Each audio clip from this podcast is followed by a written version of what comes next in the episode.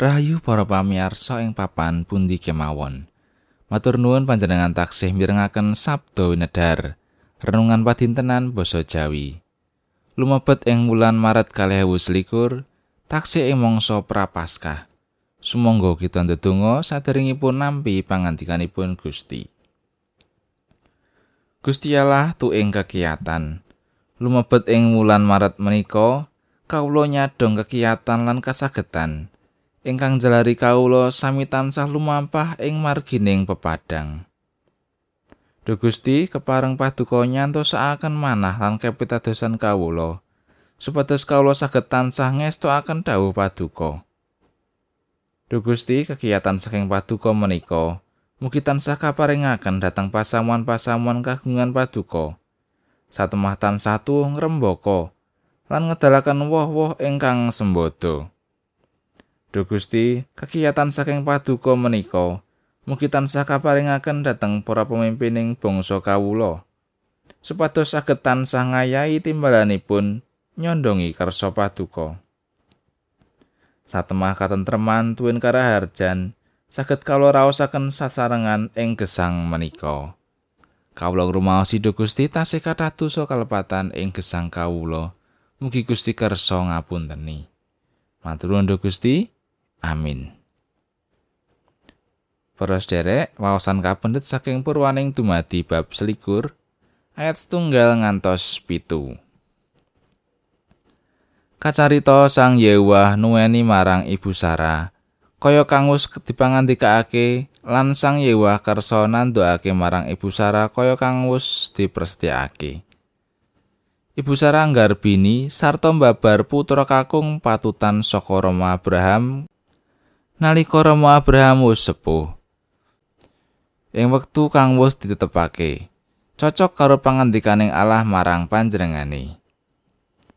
Putrane kang mentas miyos, kang miyos sangka ibu Sarah iku diparingi asma Iska dening Rama Abraham. Sarta Rama Abraham banjur nyupiti kang putra Iska nalika Yosua wolung dina ngetrepi dawuh Gusti Allah marang panjenengane. Rama Abraham yuswa 100 taun nalika kang putra Iska mau miyos.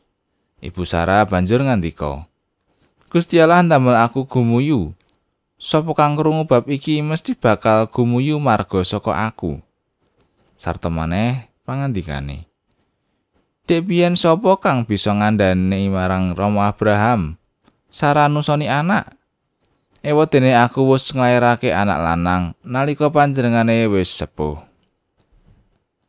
Mekatan pangandikanipun Gusti ayat nat saking ayat setunggal. Kacarita sang Yewa nuweni marang ibu Sarah kaya kang wis dipangandikaake lan sang Yewa karsa nandukake marang ibu Sarah kaya kang wis diprasetyakake. Renungan kaparingan jejer nampeni kawigatosan.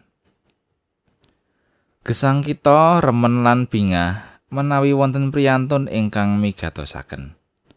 Menapa malih menawi menika saking priyantun ingkang dipun tresnani. Langkung-langkung anggen migatosaken jumbuh kalian menapa ingkang dipun ajeng-ajeng. Tentu menika dados semangat kangge nglajengaken gesang. Mila menawi wonten lare ingkang nembe ngancik diwasa, ananging malah boten nampeni kawigatosan saking tiyang ingkang dipun tresnani, tundanipun ing gesang samangke boten sekedhik ingkang blasar. Ibu Sarah setunggaling pawestri ingkang nampi nikah begjan. Awit Gusti Allah migatosaken gesang pagesanganipun. Sampun tangu piyambakipun gadhahi pangajeng-ajeng kepengin kagungan momongan. Ananging piyambakipun tetep setya tuhu pitados wonten ing ngarsanipun sanadyan mokal tumrap pagesanganipun. Mokal sacara kamanungsan awit sampun yuswa sepuh. Mila nalika nampeni pawartos saking malaikat ingkang ngrawuhi piyambakipun malah gumujeng. Kanthi lairipun Iska, mratandani Gusti Allah migatosaken gesangipun jumbuh kalian menapa ingkang sampun kaperstyaken. Kanthi mekaten cetha sanget wonten ing ngarsanipun Gusti boten wonten bab ingkang mokal. Menapa Gusti Allah namung migatosaken pagesanganipun Ibu Sarah? Mestinipun boten. Gesang kita ing saben wekdal so kawontenan tansah nampeni kawigatosan saking Gusti. Emanipun boten kathah tiyang saged ngrumaosi lan ngakeni pakaranipun Gusti menika. Puji Gusti awit kita nggadahi Gusti Allah ingkang setya saha tansah migatosaken gesang kita. Sumangga kita ugi tansah migatosaken sabdanipun. Teman saged tatak tanggon ngadepi kanyataning gesang. Amin.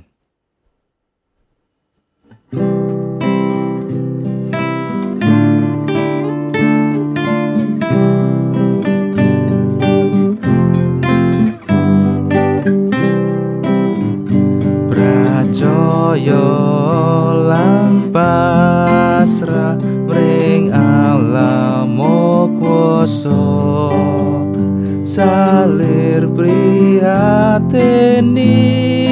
Prihatiniro tamtu enggasirno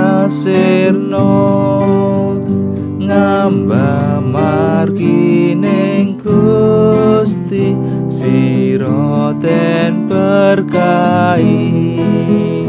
Tansah antuk kabekjan datan kawin